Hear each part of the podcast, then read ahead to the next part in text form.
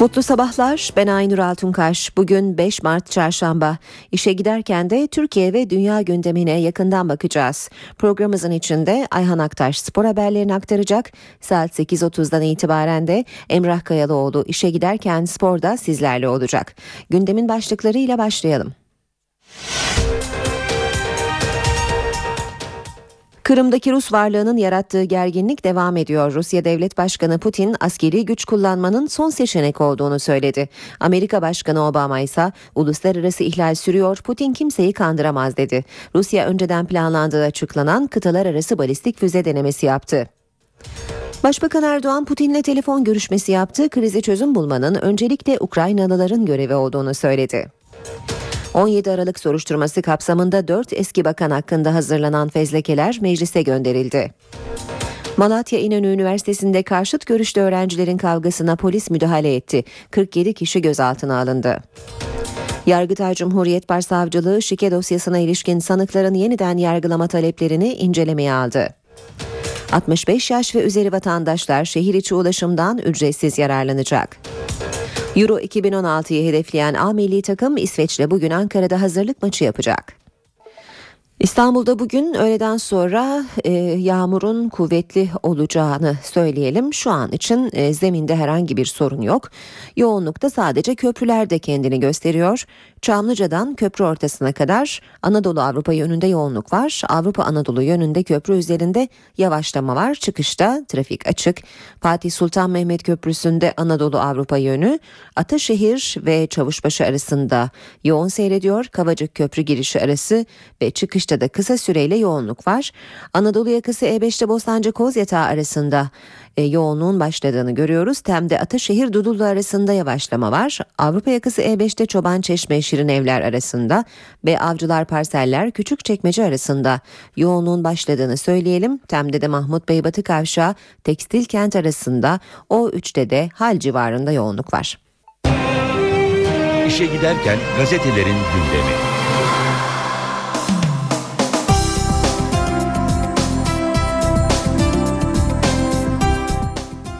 Gündemdeki gelişmelerin gazetelere nasıl yansıdığına bakacağız. Hürriyet gazetesiyle başlayalım.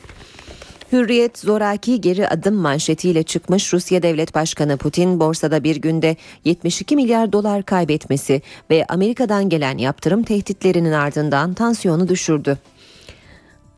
Hürriyet muhabirinin izlenimleri var. Putin dün tatbikat erteledik. Şu an Ukrayna'ya asker göndermemizi gerektirecek durum yok. Askerimiz gitmeyecek. Ukrayna'da asker kullanma şıkkına en son çare olarak başvuracağız. İleride böyle bir adım atmak zorunda kalırsak Rus ve Ukrayna askerlerinin omuz omuza duracaklarına inanıyorum dedi. Kırım'da askerleri bulunmadığını söyleyen Rus lider, gördükleriniz Kırım Halk Savunma Birlikleri, üniforması bizimkine çok benziyor. Askeri malzeme satan mağazalardan aynı kıyafeti alabilirsiniz edebilirsiniz dedi. Akşamsa Rusya kıtalar arası balistik füze test etti. Beyaz Saray füze testinin rutin olduğunu açıkladı. Devam ediyoruz yine Hürriyet gazetesinden bir başlıkla.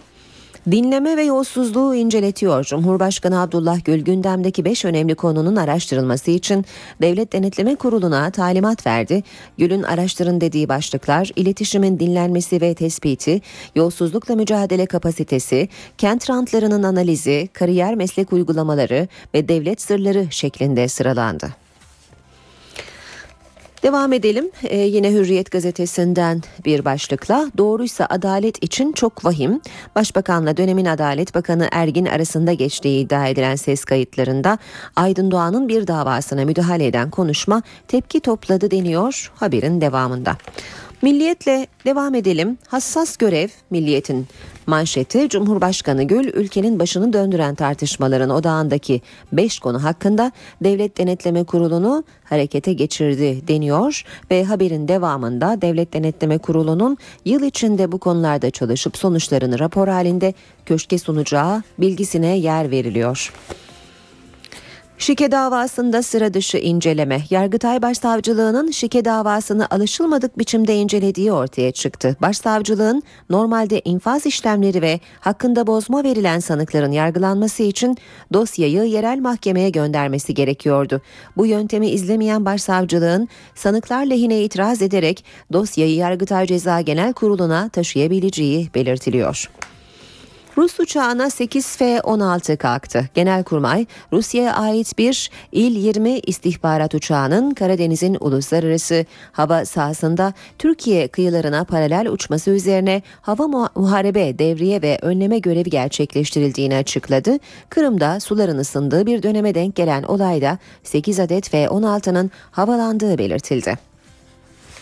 Yanukovic isterse Kiev'e de gireriz. Kırım kriziyle ilgili ilk kez konuşan Rusya Devlet Başkanı Putin, Ukrayna'ya girmenin ya da Kırım'ı kendilerine bağlamanın gündemlerinde olmadığını söyledi. Ancak olağanüstü bir durumda ya da Yanukovic talep ederse vatandaşlarını korumak için Kiev'e bile müdahalede bulunabileceklerini ekledi. Obama'nın açıklaması var. Başlık Putin'in hala bir şansı daha var. Obama, Putin birçok şey söyleyebilir ama alandaki gerçekler Rusya'nın prensiplere uymadığını gösteriyor. Rusya'nın bunu yapmak için hala şansı var dedi.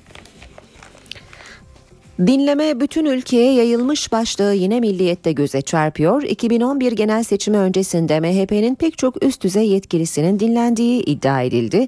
Türk İntikam Birliği Teşkilatı adlı örgüte yönelik soruşturma kapsamında yapılan dinlemelerin MHP'lilerin istifasına yol açan kaset skandallarının ardından bitirilip kayıtların silindiği anlaşıldı deniyor haberin ayrıntılarında. Sabahla devam edelim. Paralelden hain sabotaj manşeti var. Tip soruşturmasında vahim sonuç 2012 yılı öncesine ait olan tüm dijital kayıtlar ve tapeler ortadan yok oldu. Cumhurbaşkanı Abdullah Gül'ün Devlet Denetleme Kurulu'na 5 e, konuda talimat verdiği başlığını Sabah gazetesinde de birinci sayfada görüyoruz. Cumhuriyetle devam edelim. Dehşet kayıtlar diyor Cumhuriyet manşette. AKP cemaat ülkenin çivisini çıkardı. Hukukçular kaç davaya müdahale edildiğini sordu diye devam ediyor haber. Bir başka başlık Alevilerden suç duyurusu, skandal ses kaydında eski bakan Ergin'in davaya bakan hakimin Alevi olduğu yönünde bilgimiz var dediğine ilişkin iddia, Alevi derneklerini ayağa kaldırdı, suç duyurusunda bulunacaklarını belirtti Alevi örgütleri. Lisanssız Skorsky bir diğer başlık Cumhuriyet'ten Erdoğan-Obama görüşmesi sonrasında alelacele atılan imzada büyük eksiklik. E, savunma Sanayi Müsteşarlığı 3,5 milyar dolarlık genel maksat helikopteri projesini Amerikan Skorsky firmasına verdi. Skorsky firması S-70 helikopterlerinin Türkiye'de üretimi için Amerikan hükümetinin vermesi gereken lisans izinlerini almadan 3,5 milyar dolarlık e, kontrat imzaladı deniyor haberin devamında. Radikalle devam edeceğiz basın özetlerine. Adalete müdahale mi diyor radikal manşette. Büyük yankı uyandıran son ses kaydı denmiş. Başbakan Erdoğan'la eski Adalet Bakanı Sadullah Ergin arasında geçtiği iddia edilen ses kaydının büyük bir tartışma yarattığı vurgulanıyor radikalin manşetinde. Sürpriz Koç görüşmesi sürmanşette Başbakan Erdoğan'ın hafta sonu Ankara'da Koç Holding Yönetim Kurulu Başkanı Mustafa Koç ve Koç Holding Yönetim Kurulu üyesi Ali Koç'la görüştüğü öğrenildi. Alınan bilgiye göre görüşme gerginlikten uzak bir ortamda geçti. Koç grubundan üst düzey bir yetkili görüşmeyi doğruladı. Koç gezi süreciyle birlikte Başbakan'ın eleştiri oklarını yönelttiği kesimlerden biri olmuş. 17 Aralık'tan sonra Başbakan ananas ve tesbih üzerinden Koç grubunu olduğunu eleştirmişti. Star gazetesi var sırada. Tibi kopyalayıp arşivi sildiler. Sabahla aynı haberi manşette görüyoruz. Türkiye'de tüm yasal dinlemelerin yapıldığı Telekomünikasyon İletişim Başkanlığı'nın bugüne kadar paralel yapı tarafından kontrol edildiği ve 2012'ye kadar olan tüm dinleme kayıtlarının çalınarak silindiği ortaya çıktı. Zaman gazetesi var sırada. Zamanda manşet Dershaneler kapanırsa 60 bin kişi işsiz kalacak. Bu açıklama Türkiye Odalar ve Borsalar Birliği'ne ait birlik konuyla ilgili hazırladığı raporda önemli uyarılarda bulundu. Dönüşüm gönüllü olmalı. Aksi takdirde eğitim sistemi büyük zarar görecek. 3 binden fazla kurum kapanacak. 60 bin kişi işsiz kalacak ve 1 milyar liralık yatırım heba olacak. Yargı Atatürk Orman Çiftliği'ndeki Başbakanlık Sarayı inşaatını durdurdu. Mahkeme Atatürk Orman Çiftliği'nde yapımı devam eden Başbakanlık binasının inşaatına ilişkin önemli bir karara imza attı. Türkiye Mimar Mühendis Odaları Birliği'nin başvurusu üzerine Atatürk Orman Çiftliği'nin 7 hektarlık alanıyla Başbakanlık binası inşaatının içinde yer aldığı 46 hektarlık alanın tarihi sit statülerinin kaldırılmasına ilişkin işlemler iptal edildi. Yeni Şafak'la devam edelim. Humeyni gibi diyor Yeni Şafak manşette. Paralel örgütün 27 Mayıs darbesini sivil yoldan yapmak istediğini söyleyen Erdoğan ancak samimi olmayınca yakayı ele verdiler. Gülen'in Humeyni gibi dönme hesabı vardı. Şemada kainat imamı diye geçiyor dedi. Ve Habertürk'le bitireceğiz basın özetlerini. Öldürenden ölene icra. Cem'in ailesi öldürülen Münevver'in ailesini 60 bin liralık avukat borcu çıkarıp icraya verdi diyor Habertürk manşetinde. Sür manşette fezlekeler mecliste başlığı var. Dört eski bakanla ilgili hazırlanan fezlekeler yeniden düzenlenip meclise gönderildi. Böylece bitiriyoruz basın özetlerini. Küçük bir reklam aramız var. Yaklaşık 5 dakika sonra yeniden karşınızdayız. Saat 7.17 işe giderken gündemin ayrıntılarıyla sürüyor. Liderlerin e, seçim mesaisine bakalım. Başbakan Erdoğan dün iki durakta seçmene seslendi. Adıyaman ve Kırıkkale'de konuşan başbakanın hedefinde yine muhalefet ve Gülen cemaati vardı. Aradık, sorduk, diktatörü bulduk. Kim? İnönü. İtalya'da Nazi, faşizm onlar iktidar olduğunda onları ilk tebrik edenlerden olmuştur. Bunlar Dersim'de katliamın baş sorumlusudur. Başbakanı dinleyen hangi derin devlet diyordu? Şu anda bu kayıtları yapan, bunları bir yerlere servis eden, bunları internette yayınlatan savcılara aynı CHP Genel Başkanı bugün sahip çıkıyor. Bu darbe girişimini onların burunlarından fitil fitil getireceğiz kurban derilerine nasıl yolsuzluk yaptıklarını, şantajlarını, tehditlerini, bütün illegal işlerini tek tek ortalığa dökecek ve bunun da hesabını soracağız. MHP niye susuyor? Bu kadar önemli konuda neden tavır koymuyor? Ulusal güvenliğimizi ilgilendiren vatana ihanet boyutuna ulaşan bir meselede MHP neden hala Pensilvanya'nın gölgesinde duruyor? CHP Genel Başkanı Kılıçdaroğlu ise seçim mitinglerini Tekirdağ ve İstanbul'da sürdürdü. AK Parti'nin halkı kandırdığını söyleyen CHP lideri yolsuzlukları ortaya çıkaracakları sözünü verdi. Kendi hırsızlıkları çıkmasın diye internet yasağı getirdiler. Hangi yasağı getirirseniz getirin. Cumhuriyet Halk Partisi bu ülkede olduğu sürece bütün yolsuzluklarınızı halka anlatacaktır. Bir başbakan Adalet Bakanı'na talimat verip mahkeme kararı şöyle versin diyemez. Bu hukukun ve adaletin katledilmesi demektir. Bunlar yakında büyük provokasyonlar yapabilirler. Hatta Erdoğan'a suikast ayağından bir şeyler de yapabilirler. Hatırlıyorsunuz değil mi? Geçen seçimlerde efendim Tokat'a gidiyor kendisi helikopterle başbakana suikast yapıldı. Neymiş? Arabasına iki kişi silahla Yalan doğru. Ama gerçeği görün diyorum size. MHP lideri Bahçeli de İzmir ziyaretinin ikinci gününde ilçeleri dolaştı. Hükümeti eleştiren Bahçeli, yolsuzluk operasyonu ile ilgili başbakanın tavrını yanlış bulduğunu söyledi. Herkese yalan dolanla cevap yetiştireceğine de ki savcıları ve hakimleri alayını görevlendiriyorum. 30 Mart'a kadar da bir sonuç ortaya çıkarsın demiş olsa inanıyorum ki yazık oldu bu atama diye kendisi miting yapmadan miting yapmışçasına halk sandığa koşar. AKP'yi aklamak için. bu iktidardan artık gelecek umudu kalmamıştır. Hangi deterjan var ise o deterjanların alayından birer kutu alsınlar. Bu Adalet ve Kalkınma Partisi'ni orada bir çimdirsinler bakalım. Ben şimdi bu iktidar döneminde daha mesudum, daha huzurluyum. Gelir seviyem arttı, çocuklarım iş güç sahibi oldu diyebilecek bir durum söz konusu mudur? Bugünkü iktidar değerli vatandaşlarım süresini doldurmuştur. Barış ve Demokrasi Partisi ise ilk seçim mitingini dün Diyarbakır'da düzenledi. Eş Başkan Selahattin Demirtaş, kaset siyasetinin içinde olmayacaklarını söyledi. Birinin kaset siyaseti ne kadar kirliyse, ne kadar çirkinse öbürünün hırsızlık, yolsuzluk, rüşvet siyaseti de o kadar çirkindir.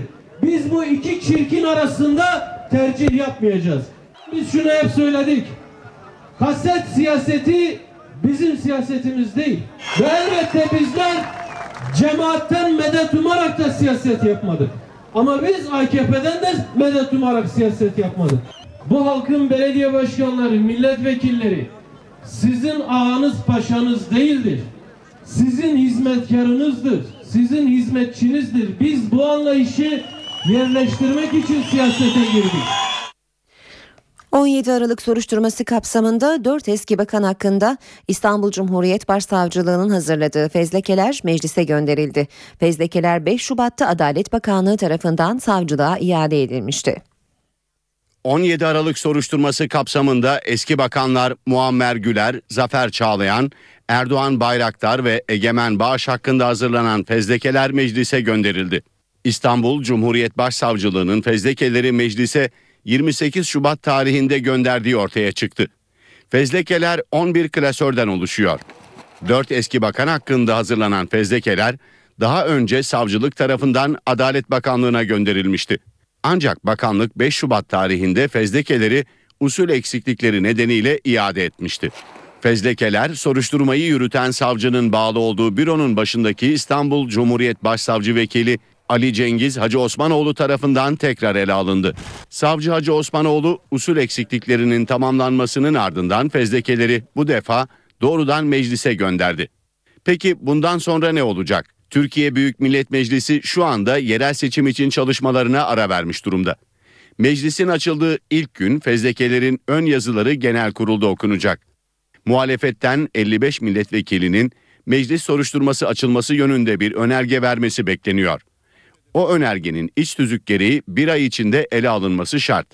Eski bakanlar hakkında meclis soruşturması açılması yönünde verilecek önergenin kabul edilip edilmemesine ise gizli oylamanın ardından karar verilecek. Günün öne çıkan bir başka haberi ise köşkten geldi. Cumhurbaşkanı Abdullah Gül, Devlet Denetleme Kurulu'na 5 başlığı incelemesi için talimat verdi. Kurulun mercek altına alacağı konular arasında yasa dışı telefon dinlemeleri, yolsuzluk iddiaları ve kent rantlarının analizi gibi başlıklar var. Yasa dışı telefon dinlemeleri, yolsuzluk iddiaları, kent rantlarının analizi, devlet sırları ve hakim, savcılık gibi kariyer mesleklerine giriş. Cumhurbaşkanı Abdullah Gül'den Türkiye'nin gündemindeki bu başlıklarla ilgili sürpriz bir hamle geldi. Gül, bu beş konunun incelenmesi için Devlet Denetleme Kurulu'na talimat verdi. Gül'ün Devlet Denetleme Kurulu'nu görevlendirdiği ilk başlık, yasa dışı dinlemeler ve kriptolu telefonlarla ilgili. Cumhurbaşkanlığından yapılan açıklamaya göre Devlet Denetleme Kurulu telefon dinlemelerinin hukuka uygunluğunun sağlanması amacıyla alınması gereken tedbirleri araştıracak. Kriptolu telefonların standartları da inceleme kapsamında. Kurul ayrıca yolsuzluk iddiaları, kent rantlarının analizi ve imar uygulamalarının değerlendirilmesine yönelik araştırma ve inceleme de yapacak. Cumhurbaşkanı Gül, Devlet Denetleme Kurulu'ndan yolsuzlukla mücadelede yaşanan zafiyetlerin incelenmesini istedi.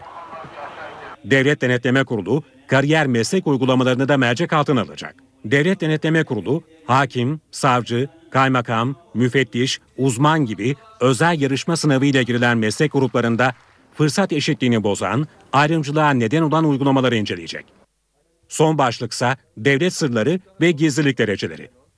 Köşten yapılan açıklamada toplumsal denetim ve katılımın artırılması ve demokratik bir yönetimin sağlanması için inceleme amaçlanmaktadır denildi. Adalet Bakanı Bekir Bozdağ, Cumhurbaşkanı Gül'ün Devlet Denetleme Kurumu'nu harekete geçirmesini son derece önemsediğini söyledi. Bozdağ, umarım oradan çıkan sonuçlar da aydınlatıcı olacaktır. Belki bu konuda alınması gereken ilave tedbirler, yapılması gereken yeni çalışmalar varsa bizim oradan istifade etme imkanımız olacaktır, dedi. Başbakan Yardımcısı Ali Babacan şeffaflıkla ilgili çalışmaya yerel seçimler sonrası öncelik vereceklerini söyledi. Yargı bağımsızlığı kadar tarafsızlığı da önemli diyen Babacan güven konusuna değindi. Yılların emeği haftalarda kaybediliyor dedi. Başbakan Yardımcısı Ali Babacan, 7.si düzenlenen Türkiye Sektörel Ekonomi Şurası'nda reel sektör temsilcileriyle buluştu. Babacan'dan sektöre yönelik ilk mesaj gündemdeki yolsuzluk iddialarıydı hiçbir yolsuzluğun üzerinin örtülmemesi ve hiçbir yolsuzluğa müsamaha gösterilmemesi. Bu da yine bizim hükümet olarak son derece önem verdiğimiz bir husus. Başbakan yardımcısı ekonominin olmaz olmazı dediği güven konusunda da Nasıl hassasiyetini dile getirdi. Güvenin oluşması zaman alıyor. Basamak basamak oluyor. Ama güvenin kaybedilmesi çok daha hızlı oluyor ve yılların emeği, 10 yılların emeği bakıyorsunuz haftalarla, aylarla ifade edilen bir sürede yok olabiliyor. İşte güven ortamının, ülkemizdeki güven ortamının mutlaka kıymetini bilmemiz gerekiyor. Ve yargı. Babacan'a göre bağımsızlık kadar tarafsızlık da gözetilmeli. Yargının bağımsızlığı kuşkusuz önemli ama tarafsız olması da son derece önemli. Hele hele yargının bağımsızlık alanını farklı amaçla, farklı hedeflere yönelik kullanmak isteyenler olduğunda da buna da mutlaka dur denilebilmez. Malatya İnönü Üniversitesi'nde karşıt görüşlü öğrenciler arasında kavga çıktı. 47 kişi gözaltına alındı. Üniversitenin kadın platformu üyeleri 8 Mart Dünya Kadınlar Günü için yürüyüş düzenledi. Eylem yapan gruba başka bir öğrenci grubu karşı çıkınca kavga çıktı. Olay polisin müdahalesiyle sona erdi. 47 öğrenci gözaltına alındı. Müdahale sırasında bir polis de hafif şekilde yaralandı.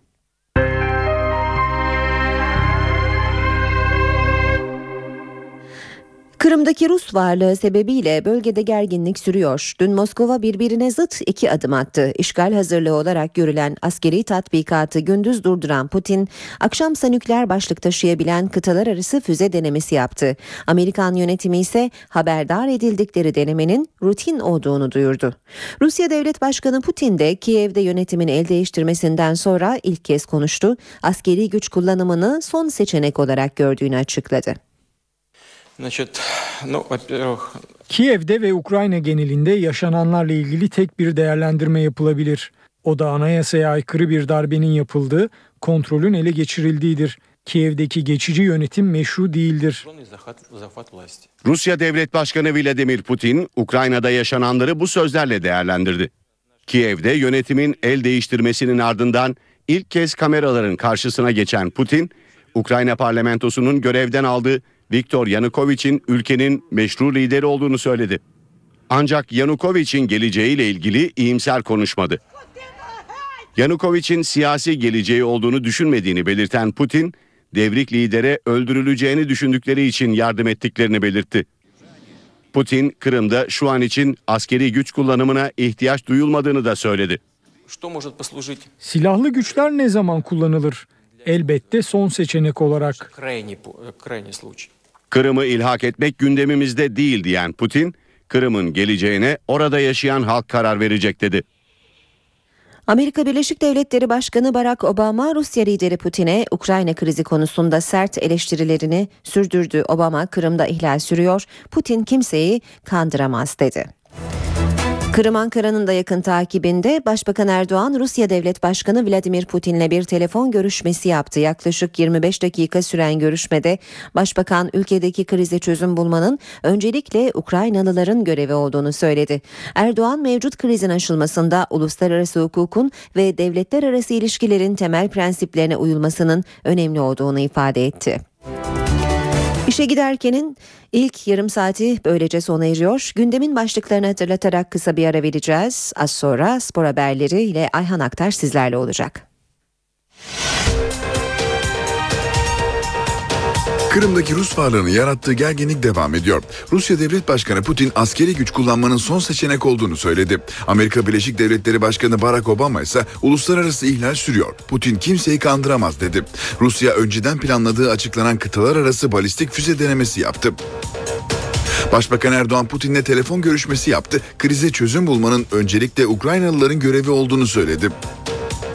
17 Aralık soruşturması kapsamında 4 eski bakan hakkında hazırlanan fezlekeler meclise gönderildi. Malatya İnönü Üniversitesi'nde karşıt görüşlü öğrencilerin kavgasına polis müdahale etti. 47 kişi gözaltına alındı. Yargıtay Cumhuriyet Başsavcılığı şike dosyasına ilişkin sanıkların yeniden yargılanma taleplerini incelemeye aldı. 65 yaş ve üzeri vatandaşlar şehir içi ulaşımdan ücretsiz yararlanacak. Euro 2016'yı hedefleyen A milli takım İsveç'te bugün Ankara'da hazırlık maçı yapacak. İşe giderken de birlikteyiz. 7.36 itibarıyla İstanbul trafiğine bir kez daha bakalım. Fatih Sultan Mehmet Köprüsü Anadolu Avrupa yönü Küçük Bakkalköy itibarıyla köprüye kadar yoğun. Köprü girişinden sonra trafik açılıyor. Şu anda elimize ulaşan bir kaza haberini aktaralım. Tem'de Çamlıca gişeler Kartal yönünde bir kaza var. Kazada yaralananlar olduğu belirtiliyor. Bir şerit trafiğe kapalı durumda. Şu anda Tem trafiğinin Ataşehir'de başladığını ve Kartal kavşağına kadar sürdüğünü söyleyelim. Boğaziçi Köprüsü'nde Anadolu Avrupa yönü Çamlıca itibarıyla köprü çıkışına kadar yoğun seyrediyor. Anadolu'ya geçişte ise Mecidiyeköy Burhaniye arasının yoğun olduğunu görüyoruz. Anadolu yakası E5 karayolunda yoğunluk başladı. Şu anda e, Küçük Yalı'dan başlayıp Uzunçayır'a uzanan bir yoğunluk var. Ters yönde de Bostancı ve Gülsuyu arası yoğun seyrediyor. Avrupa yakası E5 karayolunda Çoban Çeşme'de başlayıp Merter'e uzanan bir yoğunluk var. Avcılar Küçükçekmece arasında da yoğunluk çift yönlü. Tem'de ise köprü yönünde Gazi Osman Paşa Maslak arası yoğun. Köprüye yaklaşırken gişelerden sonra yine yavaşlıyor ama sonrasında trafik açılıyor. Şehir içinde de trafik yoğunluğu yavaş yavaş başladı. Kısıklı Caddesi Altunizade Çevre Yolu sapağından Beylerbeyi'ne kadar trafiğin yoğun olduğunu söyleyebiliriz. Şile Otoyolu Parseller Tepeüstü Kavşağı arasında da trafik yavaş ilerliyor.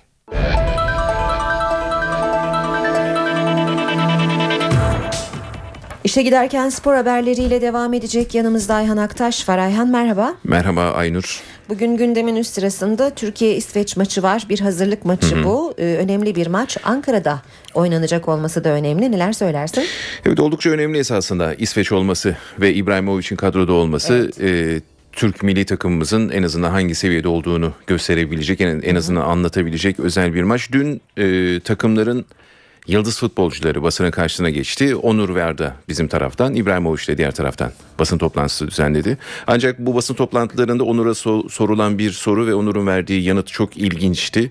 E, İbrahimovic'den çekiniyor musun diye bir soru soruldu Onur'a. Onur da demirden korksam trene binmezdim şeklinde kendine ve takımına duyduğu özgüvenin hat safhada olduğunu e, herkese gösterdi esasında. Peki bir de basketten çok evet. önemli bir haberimiz olacak. E, Beşiktaş Integral Forex'in Eurocup yolundaki önemli bir maçında e, Başkan Fikret Orman salonu terk etti. Ayrıntılarını az sonra verelim. Peki mikrofon senin.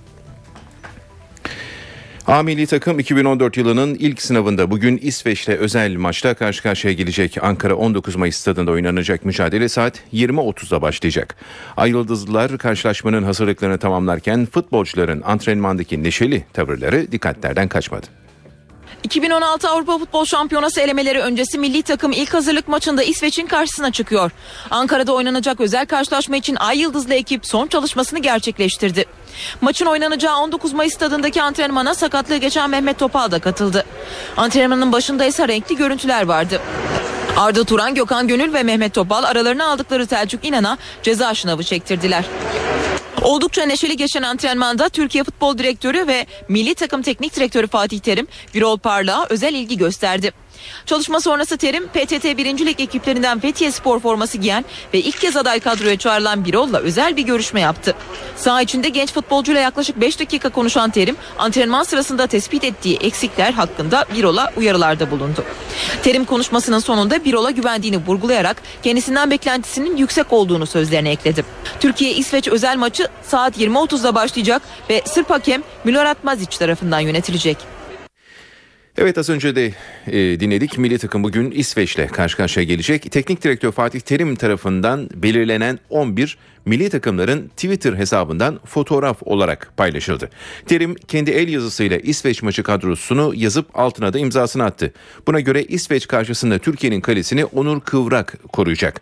Savunmada Gökhan Semih, Ersan ve Caner, orta alanda Alper Selçuk, Nuri ve Arda, forvette ise Burak, Mevlüt ikilisi yer alacak. Milli futbolcular Arda Turan ve Onur Kıvrak İsveç maçı öncesi basının karşısına çıktı. Onur taraftarlardan milli takıma sahip çıkmalarını isterken Arda kaçan turnuvalara son vereceklerini söyledi. Arda Turan ve Onur Kıvrak A milli takımın İsveç'le yapacağı özel maç öncesi basın mensuplarının sorularını yanıtladı. Ve onun keyfini çıkartmış biri olarak. 2016 Avrupa Şampiyonası hedefi için çalışmalara başladıklarını belirten Arda, zor bir grupta olduklarını dile getirdi. Hollanda ve Çek Cumhuriyeti ciddi rakiplerimiz gibi gözüküyor. Ama İzlanda gerçeğini göz ardı etmemek lazım. Dediğim gibi yani Kazakistan'a Aslan Tepe Arena'da son dakikada gol atıp kazanabildik. Bazı maçları kolay bazı maçları zor kazanıyoruz. Hepsini disiplinli oynayıp farklı oynamalıyız. Yani futbolun gerçeğini görüyorsunuz artık.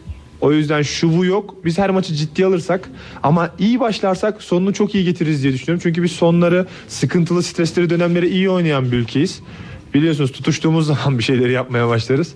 Ama bu sefer iyi başlarsak rahat ve iyi bitirebiliriz diye düşünüyorum. Umarım bu turnuvaya gideriz. Yaşımız ilerliyor, turnuvalar kaçıyor diyen Arda, milli takımın yetiştirme yeri olmadığını düşündüğünü ifade ederken öz eleştiride de bulundu.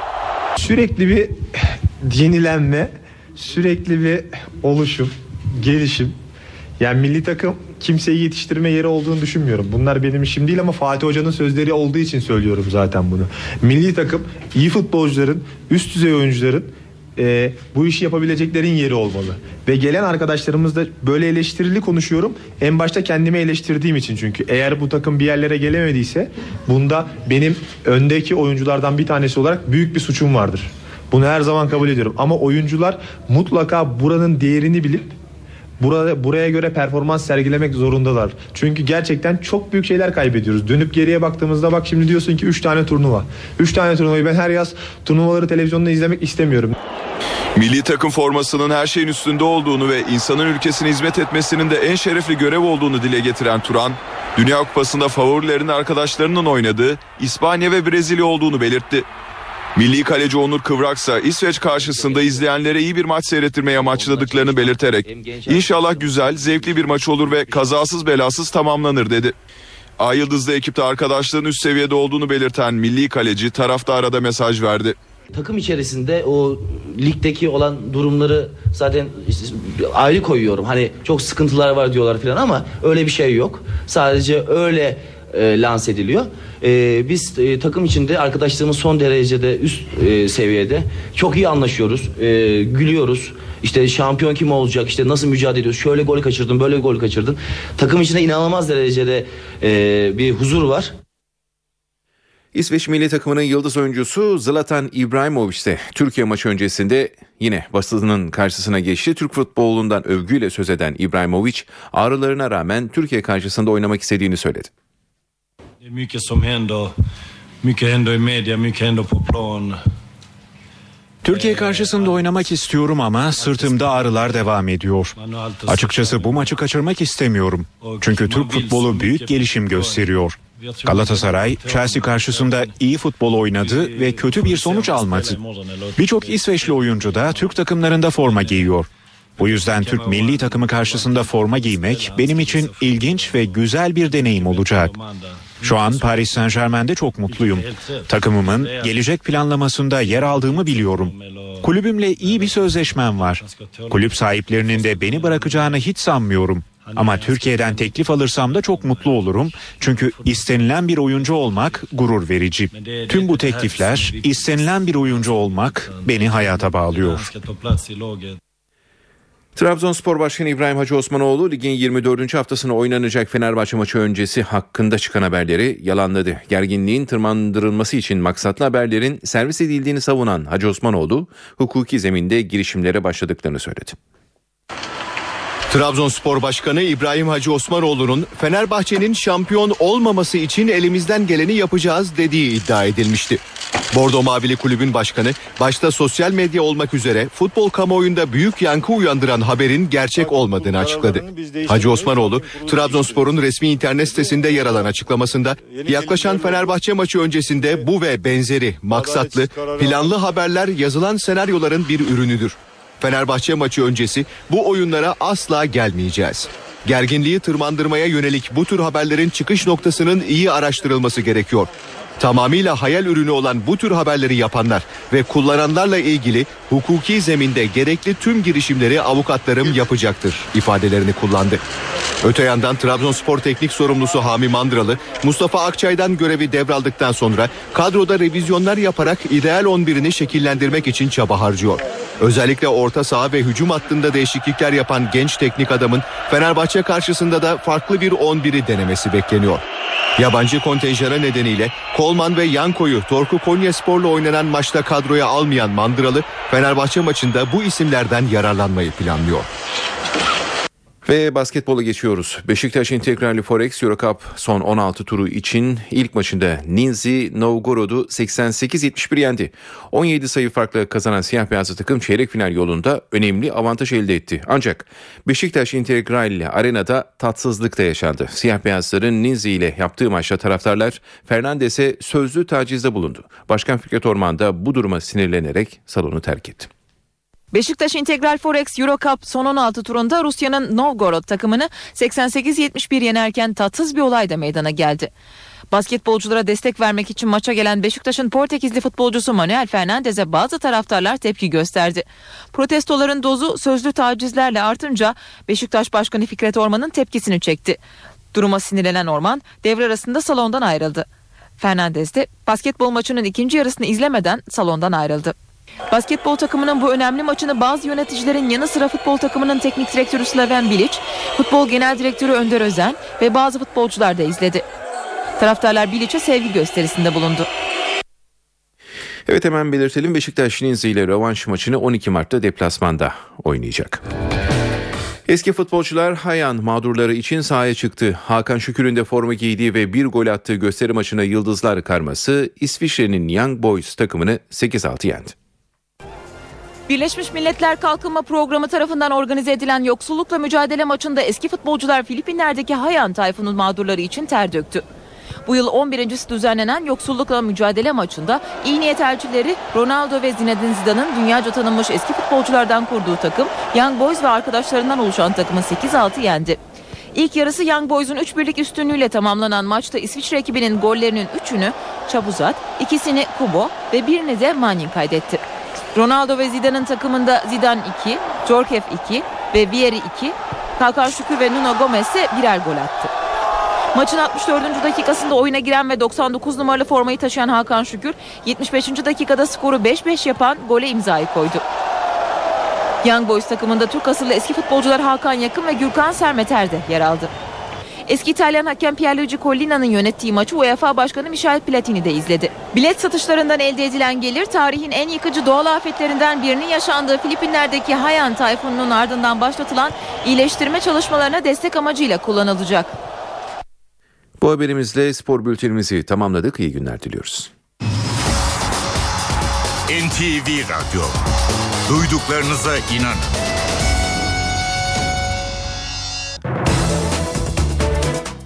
Günaydın herkese yeniden işe giderken de birlikteyiz. Bu saate hava durumuyla birazdan başlayacağız. Önce gündemin başlıklarını hatırlatalım. Kırım'daki Rus varlığını yarattığı gerginlik devam ediyor. Rusya Devlet Başkanı Putin askeri güç kullanmanın son seçenek olduğunu söyledi. Amerika Birleşik Devletleri Başkanı Barack Obama ise uluslararası ihlal sürüyor. Putin kimseyi kandıramaz dedi. Rusya önceden planladığı açıklanan kıtalar arası balistik füze denemesi yaptı. Başbakan Erdoğan Putin'le telefon görüşmesi yaptı. Krize çözüm bulmanın öncelikle Ukraynalıların görevi olduğunu söyledi.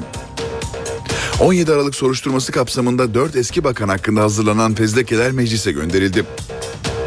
Malatya İnönü Üniversitesi'nde karşıt görüşlü öğrencilerin kavgasına polis müdahale etti. 47 kişi gözaltına alındı. Yargıtay Cumhuriyet Başsavcılığı şike dosyasına ilişkin sanıkların yeniden yargılanma taleplerini incelemeye aldı. 65 yaş ve üzeri vatandaşlar şehir içi ulaşımdan ücretsiz yararlanacak. Euro 2016'yı hedefleyen A milli takım İsveç'te bugün Ankara'da hazırlık maçı yapacak.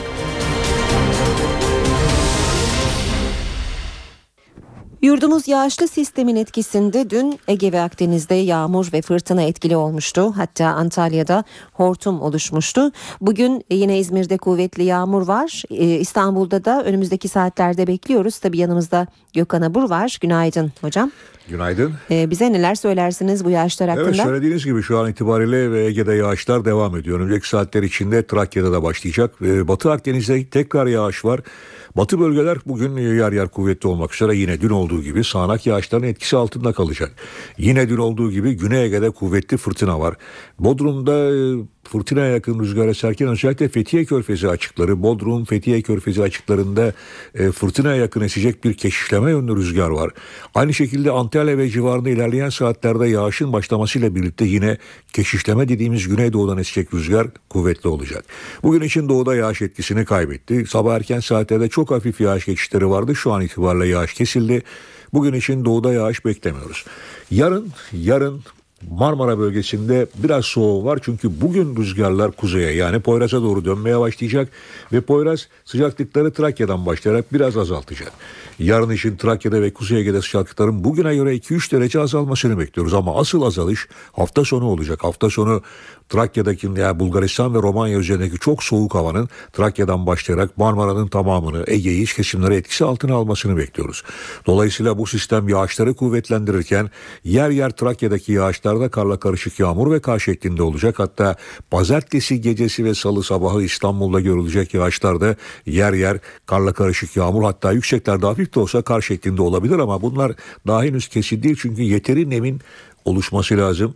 Pazartesi günü nemin azalacağı Bulgaristan ve Romanya'daki yağışların etkisini kaybedeceği gözüküyor. O bakımdan kesin bilgileri size yarın ve hatta cuma günü çok daha geniş olarak vermeye çalışacağım. Evet e, şu an itibariyle İstanbul'da hava sıcaklığı bir hayli yüksek. 11 dereceyi geçti ve 12'ye doğru yaklaşıyor. Bugün İstanbul'da beklediğimiz en yüksek sıcaklık 15-16 dereceleri bulacak. Nem oranı şu anda çok yüksek değil. Hafif esen bir e, doğulu rüzgar var. Bu Poyraz'a doğru dönmeye başlayacak ve yaklaşık 10 kilometre hızla esmesini gün boyu sürdürecek. Bugün için e, ilerleyen saatlerde artacak bulutlanmanın akşama doğru İstanbul'da önce Avrupa yakasında sonra Anadolu yakasında sağanak yağış bırakmasını bekliyoruz. Bu yağışlar gece ve yarın sabah erken saatlerde de aralıklara devam edecek ama yarın gün içinde yağış görülmeyecek İstanbul için. Ankara'da ise sıcaklıklar düne göre biraz azaldı. Şu anda 1-2 derecelik sıcaklık var Ankara merkezde. Bugün için Ankara'da sıcaklığın yine yükselip 12-13 dereceye kadar çıkmasını bekliyoruz. İzmir'de ise yer yer yağış devam ediyor. Bu yağış gün boyu aralıklarla etkisini sürdürecek. İzmir'de şu anda 10 derece olan sıcaklığın da gün içinde 16 dereceye kadar yükselmesini bekliyoruz. Evet. Evet bizleri bekleyen koşullar genelde böyle. Gökhan Abur teşekkürler. İstanbul trafiğine bakacağız. Büyükşehir Belediyesi trafik kameraları ve yoğunluk haritasından. Temde Çamlıca gişeler Kartal yönünde bir kaza olduğunu söylemiştik. Ee, yaralananlar olduğu belirtiliyor kazada. Tem yoğunluğu şu an Ataşehir'den Çamlıca gişelere kadar etkili. Fatih Sultan Mehmet Köprüsü Anadolu Avrupa yönü Küçük Bakkalköy köprü girişi arası yoğun. Boğaziçi Köprüsü'nde Çamlıca ve köprü e, girişi arasında trafik çok yoğun. Çıkışta da Zincirlikuyu'da yavaşlama var. Anadolu yakasına geçişte Mecri, Mecriyeköy Burhaniye arasında trafik yoğun. İkinci köprüde ise Etiler katılımı köprü girişi arası yoğun seyrediyor. Temde köprü yönünde Akşemsettin Maslak arasında. E5'te ise yine köprü yönünde e, Cevizli Bağ Darül Aceze arasında trafik etkili. Yine E5 yoğunluğu Çoban Çeşme, İncirli arasında da etkili oluyor. Avcılar Küçükçekmece arasının da yoğun olduğunu söyleyelim.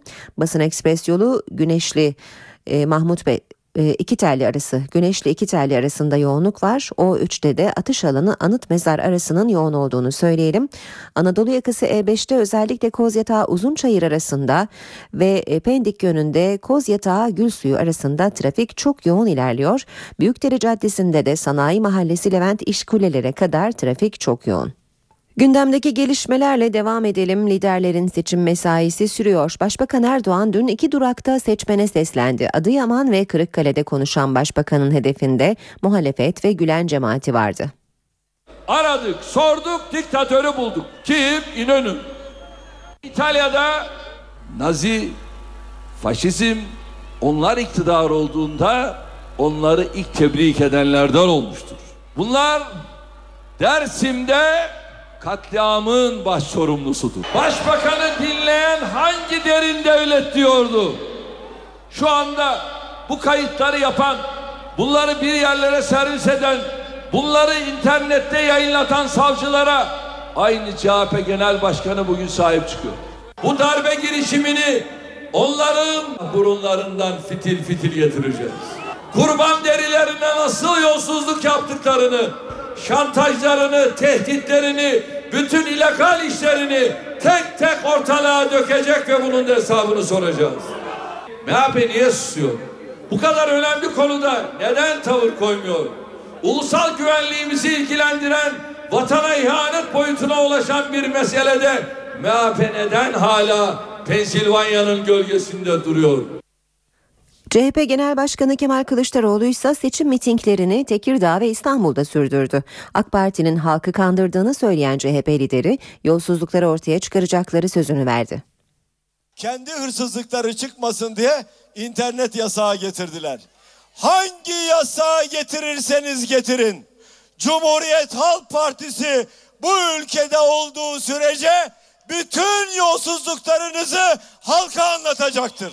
Bir başbakan Adalet Bakanı'na talimat verip mahkeme kararı şöyle versin diyemez.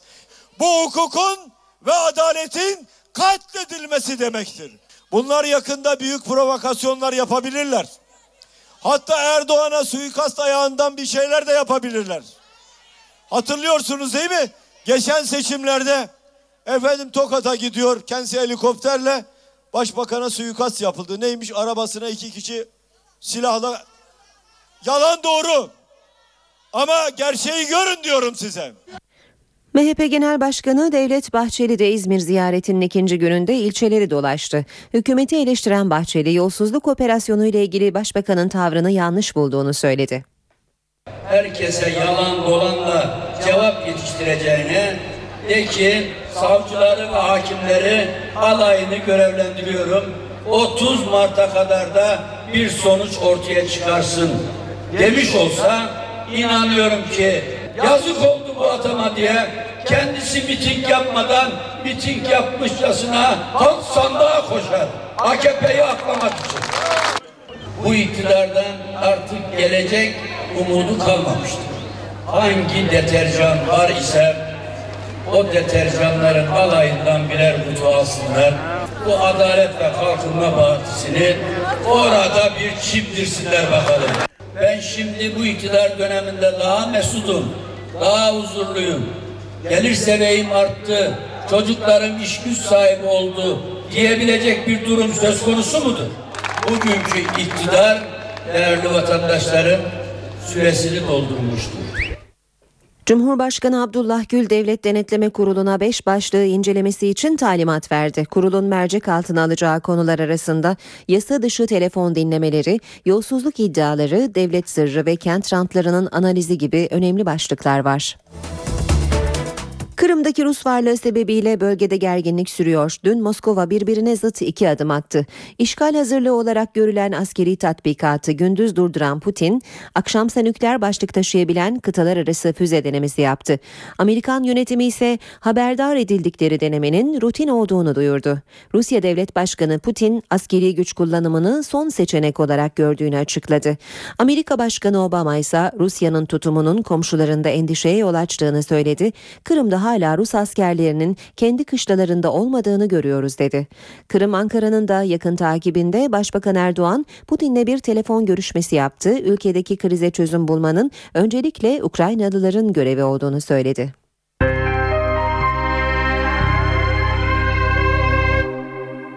Ankara 11. İdare Mahkemesi, Başbakanlığın Ankara Atatürk Orman Çiftliği arazisinde yaptırdığı hizmet binası inşaatı için yürütmeyi durdurma kararı verdi. Gerekçe bölgenin tarihi sit alanı olması. Atatürk Orman Çiftliği arazisinde inşaatı devam eden yeni başbakanlık binası inşaatı için mahkemeden durdurma kararı çıktı. Binanın yapılacağı Atatürk Orman Çiftliği'ndeki arazinin tarihi sit statüsü kaldırılmıştı. Bu karar mahkemeye taşındı ve Ankara 11. İdare Mahkemesi Başbakanlık binası inşaatının içinde yer aldığı 46 hektarlık alanın tarihi sit statülerinin kaldırılmasına ilişkin işlemleri iptal etti. Atatürk Evi, bira, şarap, meyve suyu fabrikaları, tarihi köprünün de içinde yer aldığı 7 hektarlık alan içinde aynı karar verildi. Mahkeme kararını davanın tarafı olan mimarlar, çevre mühendisleri, şehir plancıları, peyzaj mimarları ve ziraat mühendisleri odaları birlikte açıkladı. Oda temsilcilerine göre bina inşaatı kaçak ve yıkılması gerekiyor. Bir yürütmeyi durdurma kararı değil bu. Doğrudan bir iptal kararıdır. Bu hukuki kararın gereği yapılmalıdır.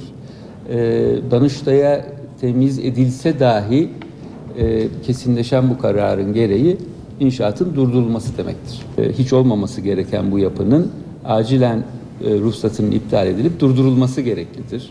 Türkiye Mimarlar ve Mühendisler Odası'na bağlı 5 meslek odası bu karar doğrultusunda Başbakanlık binasının ruhsatının iptali için de dava açacak. Başbakanlığın karara bir ay içinde itiraz hakkı var. İtiraz başvurusunu Danıştay karara bağlayacak. Diyarbakır Dicle Üniversitesi'nde ağaç kesimini protesto eden öğrenciler nöbette. Eyleme sivil toplum kuruluşlarının da desteği var. Bölgede yapılaşma olacağı iddialarına ise rektörlük, valilik ve TOKİ'den açıklama geldi. Diyarbakır'da Hevsel bahçelerinde ağaç kesimine karşı Dicle Üniversitesi öğrencilerinin nöbeti sürüyor. Eyleme sivil toplum kuruluşlarından destek geldi. Bölgede yapılaşma olacağı iddiaları ise TOKİ ve üniversite rektörlüğü tarafından yalanlandı. Eylem rektörlüğün üniversitede yangınlara karşı itfaiye yolu açılması ve bataklık bölgenin ıslahı gerekçesiyle ağaç kesimi üzerine başladı. UNESCO Kültür Mirası listesine aday Hevsel bahçeleri alanında bulunan ağaçların kesimine öğrencilerden tepki geldi. Öğrenciler alanda yapılaşma olacağı iddiaları üzerine 1 Mart'ta nöbete başladı. Rektörlük kesimi durdurdu. Yapılaşma iddiaları ise yalanlandı. Hevsel bahçeleri tarihin ilk zamanlarından beri 12 bin yıldan beri Dicle Nehri'nin kıyısında bölgenin tarih ambarıdır. Burada hiçbir şekilde yapılaşma olmaz. İddialarla ilgili TOKİ'den de açıklama geldi. TOKİ, Hevsel bahçelerini kapsayan alanda konut uygulaması ya da imar planı çalışması olmadığını açıkladı. 65 yaş ve üzeri vatandaşlarla gaziler, şehit ve gazi yakınları şehir içi toplu taşıma araçlarından ücretsiz yararlanacak. Demir yolları ve deniz yollarının şehirler arası biletleri de 65 yaş ve üzerindekiler için %50 indirimli olacak. Aile ve Sosyal Politikalar Bakanlığı'nca hazırlanan yönetmelik resmi gazetede yayınlanarak yürürlüğe girdi. Buna göre Türk vatandaşı 65 yaş ve üzeri kişiler demir yolları ve deniz yollarının şehir içi hatlarıyla belediyelere ait toplu taşıma hizmetlerinden ücretsiz yararlanabilecekler. Ayrıca demir yollarıyla deniz yollarının şehirler arası hatlarındansa %50 indirimli seyahat edebilecekler. Yönetmeliğe göre İstiklal Madalyası sahipleriyle bunların eşleri, anne ve babalarıyla evli olmayan ve 25 yaşını doldurmamış çocukları da ücretsiz seyahat hakkından yararlanacak. Şehit yakınlarıyla gaziler ve eşleri, anne ve babalarıyla evli olmayan ve 25 yaşını doldurmamış çocukları da ücretsiz seyahat hakkından faydalanacak. Ayrıca başarılı devlet sporcularıyla %40 ve üzerinde engelli olanlar da bu haktan yararlanacak. Ayrıca ağır engellilerin beraber seyahat ettikleri refakatçileri de ücretsiz seyahat edebilecek. Reklamlar için bir küçük molamız var. Yaklaşık 5 dakika sonra başkent gündemiyle yine birlikte olacağız. Saat 8.21 NTV Radyo'da işe giderken devam ediyor. Sırada başkent gündemi var. Karşımızda da Özden Erkuş. Özden günaydın. Günaydın Ankara'dan. Ee, bugün başta liderlerin seçim programı olmak üzere bize neler aktaracaksın gündemden? Öncelikle Ankara'nın ziyaretçisiyle başlayalım. Başkent bugün Polonya Cumhurbaşkanı Bronislaw Komorowski'yi ağırlıyor. İki ülke arasındaki diplomatik ilişkilerinde 600. yılı Cumhurbaşkanı Abdullah Gül konuk Cumhurbaşkanı'nı Çankaya Köşkü'nde resmi törenle karşılayacak. ikili ve heyetler arası görüşmelerin ardından iki Cumhurbaşkanı kameraların karşısına geçecek. Görüşmelerde elbette dünyanın da gözünü diktiği bölge Ukrayna ve Kırım'da yaşananlar başta olmak üzere dış siyasete ilişkin gelişmelerin ve iki ülke arasındaki ekonomik işbirliğinin gündeme gelmesi bekleniyor. Bugün NATO e, Polonya'nın çağrısı üzerine Ukrayna-Rusya arasındaki krizi görüşmek üzere olağanüstü bir toplantı yapacak. Yani konu e, konuk Cumhurbaşkanı'nın geldiği ülkeden Polonya'nın da yakın takibinde Cumhurbaşkanı Abdullah Gül'ün ve konuk Cumhurbaşkanı'nın ortak basın toplantısında Kırım'da yaşananlara ilişkin hem de iç siyasete ilişkin değerlendirmeler yapmasını bekliyoruz. Gelelim siyasete e, siyasetin diğer bölümüne elbette liderlerin programları var. Onlardan biri Başbakan Erdoğan. Başbakan Erdoğan e, seçim programına ara verdi demek mümkün. Zira bugün Ankara'da ve Polonya Cumhurbaşkanı ile bir araya gelecek. Öğle saatlerinde bir çalışma yiyecek iki çalışma yemeği yiyecek iki isim. E, ardındansa daha doğrusu bunun öncesinde ise e, sabah saatlerinde yerel medya temsilcileriyle bir araya gelecek Başbakan Erdoğan ve yerel seçim sürecine ilişkin gündemdeki konulara ilişkin değerlendirmeler yapacak. Bunun ardından da Ankara'da özel bir hastanenin açılışına katılacak Başbakan Erdoğan. Başbakan Polonya Cumhurbaşkanı'nı ağırlamak üzere miting programına ara verdi dedik ama muhalefet liderlerinin seçim meydanlarındaki mesaisi devam ediyor. CHP lideri Kemal Kılıçdaroğlu bugün Karadeniz turuna başlıyor. Rize ve Artvin'de halka seslenecek. MHP lideri Devlet Bahçeli ise gündeme ilişkin mesajlarını Trakya'da, Tekirdağ, Kırıkkale ve Edirne'de verecek. BDP eş genel başkanı Selahattin Demirtaş ise Diyarbakır'da olacak. Bugün Ankara'da gündemden öne çıkan başlıklar böyle olacak. Özden teşekkürler. Başkent gündemini Özden Erkuş'tan dinledik. Piyasalarla devam edelim. BIST 100 endeksi %3 oranında değer kazanarak 63.030 puandan dünü tamamladı. Bu sabah serbest piyasada dolar 2.21, euro 3.03'ten işlem görüyor. Euro dolar 1.37, dolar yen 102 düzeyinde. Altının onsu 1337 dolar, kapalı çarşıda külçe altının gramı 95, çeyrek altın 165 liradan satılıyor. Brent petrolün varili 109 dolar. İstanbul Büyükşehir Belediyesi trafik kameraları ve yoğunluk haritasına göre ana arterlerde yoğunlukların devam ettiğini görüyoruz. Bir de kaza haberi var. D100'de Bayramoğlu Tuzla Kavşak yönünde hasarlı bir kaza meydana geldi. Bir şerit trafiğe kapalı. Fatih Sultan Mehmet Köprüsü Anadolu Avrupa yönü Kozyatağı itibarıyla köprü giriş ne kadar yoğun seyrediyor. Ters yönde köprü açık ama Köprüye yaklaşırken kısa süreli bir yoğunluk var. Tem'de köprü yönünde Akşemsettin Maslak arasının yoğun olduğunu görebiliyoruz. Ee, Boğaziçi Köprüsü'nde Anadolu Avrupa yönü Çamlıca'dan başlıyor yoğunlaşmaya. Çıkışta Çağlayan'a kadar yoğunluk var. E, ters yönde de Çağlayan'da başlıyor yoğunluk. Köprü bittikten sonra trafik açılıyor. Tem'de Anadolu yakasında Ataşehir ve Çamlıca gişeler arası yoğunluğa sahip. Libadiye Ataşehir arasının yoğun olduğunu söyleyelim. E5'te de Küçük Yalı Gülsuyu arasında ve e, Maltepe Uzunçayır arasında trafik çok yoğun ilerliyor. Avrupa yakası E5'te de Şirin Evler İncirli arasında yoğunluk çift yönlü. O3'te atış alanı Anıt Mezar arası ve yine E5'te Avcılar Küçükçekmece arasının yoğun olduğunu görebiliyoruz. Büyükdere Caddesi'nde de Sanayi Mahallesi Levent İşkuleler arası ve Zincirlikuyu 4 Levent arası yoğun ilerliyor. Böylece işe giderken de bitmiş oluyor. Saat başında haber merkezi kuşağı başlayacak. Hoşçakalın. NTV Radyo. Duyduklarınıza inanın.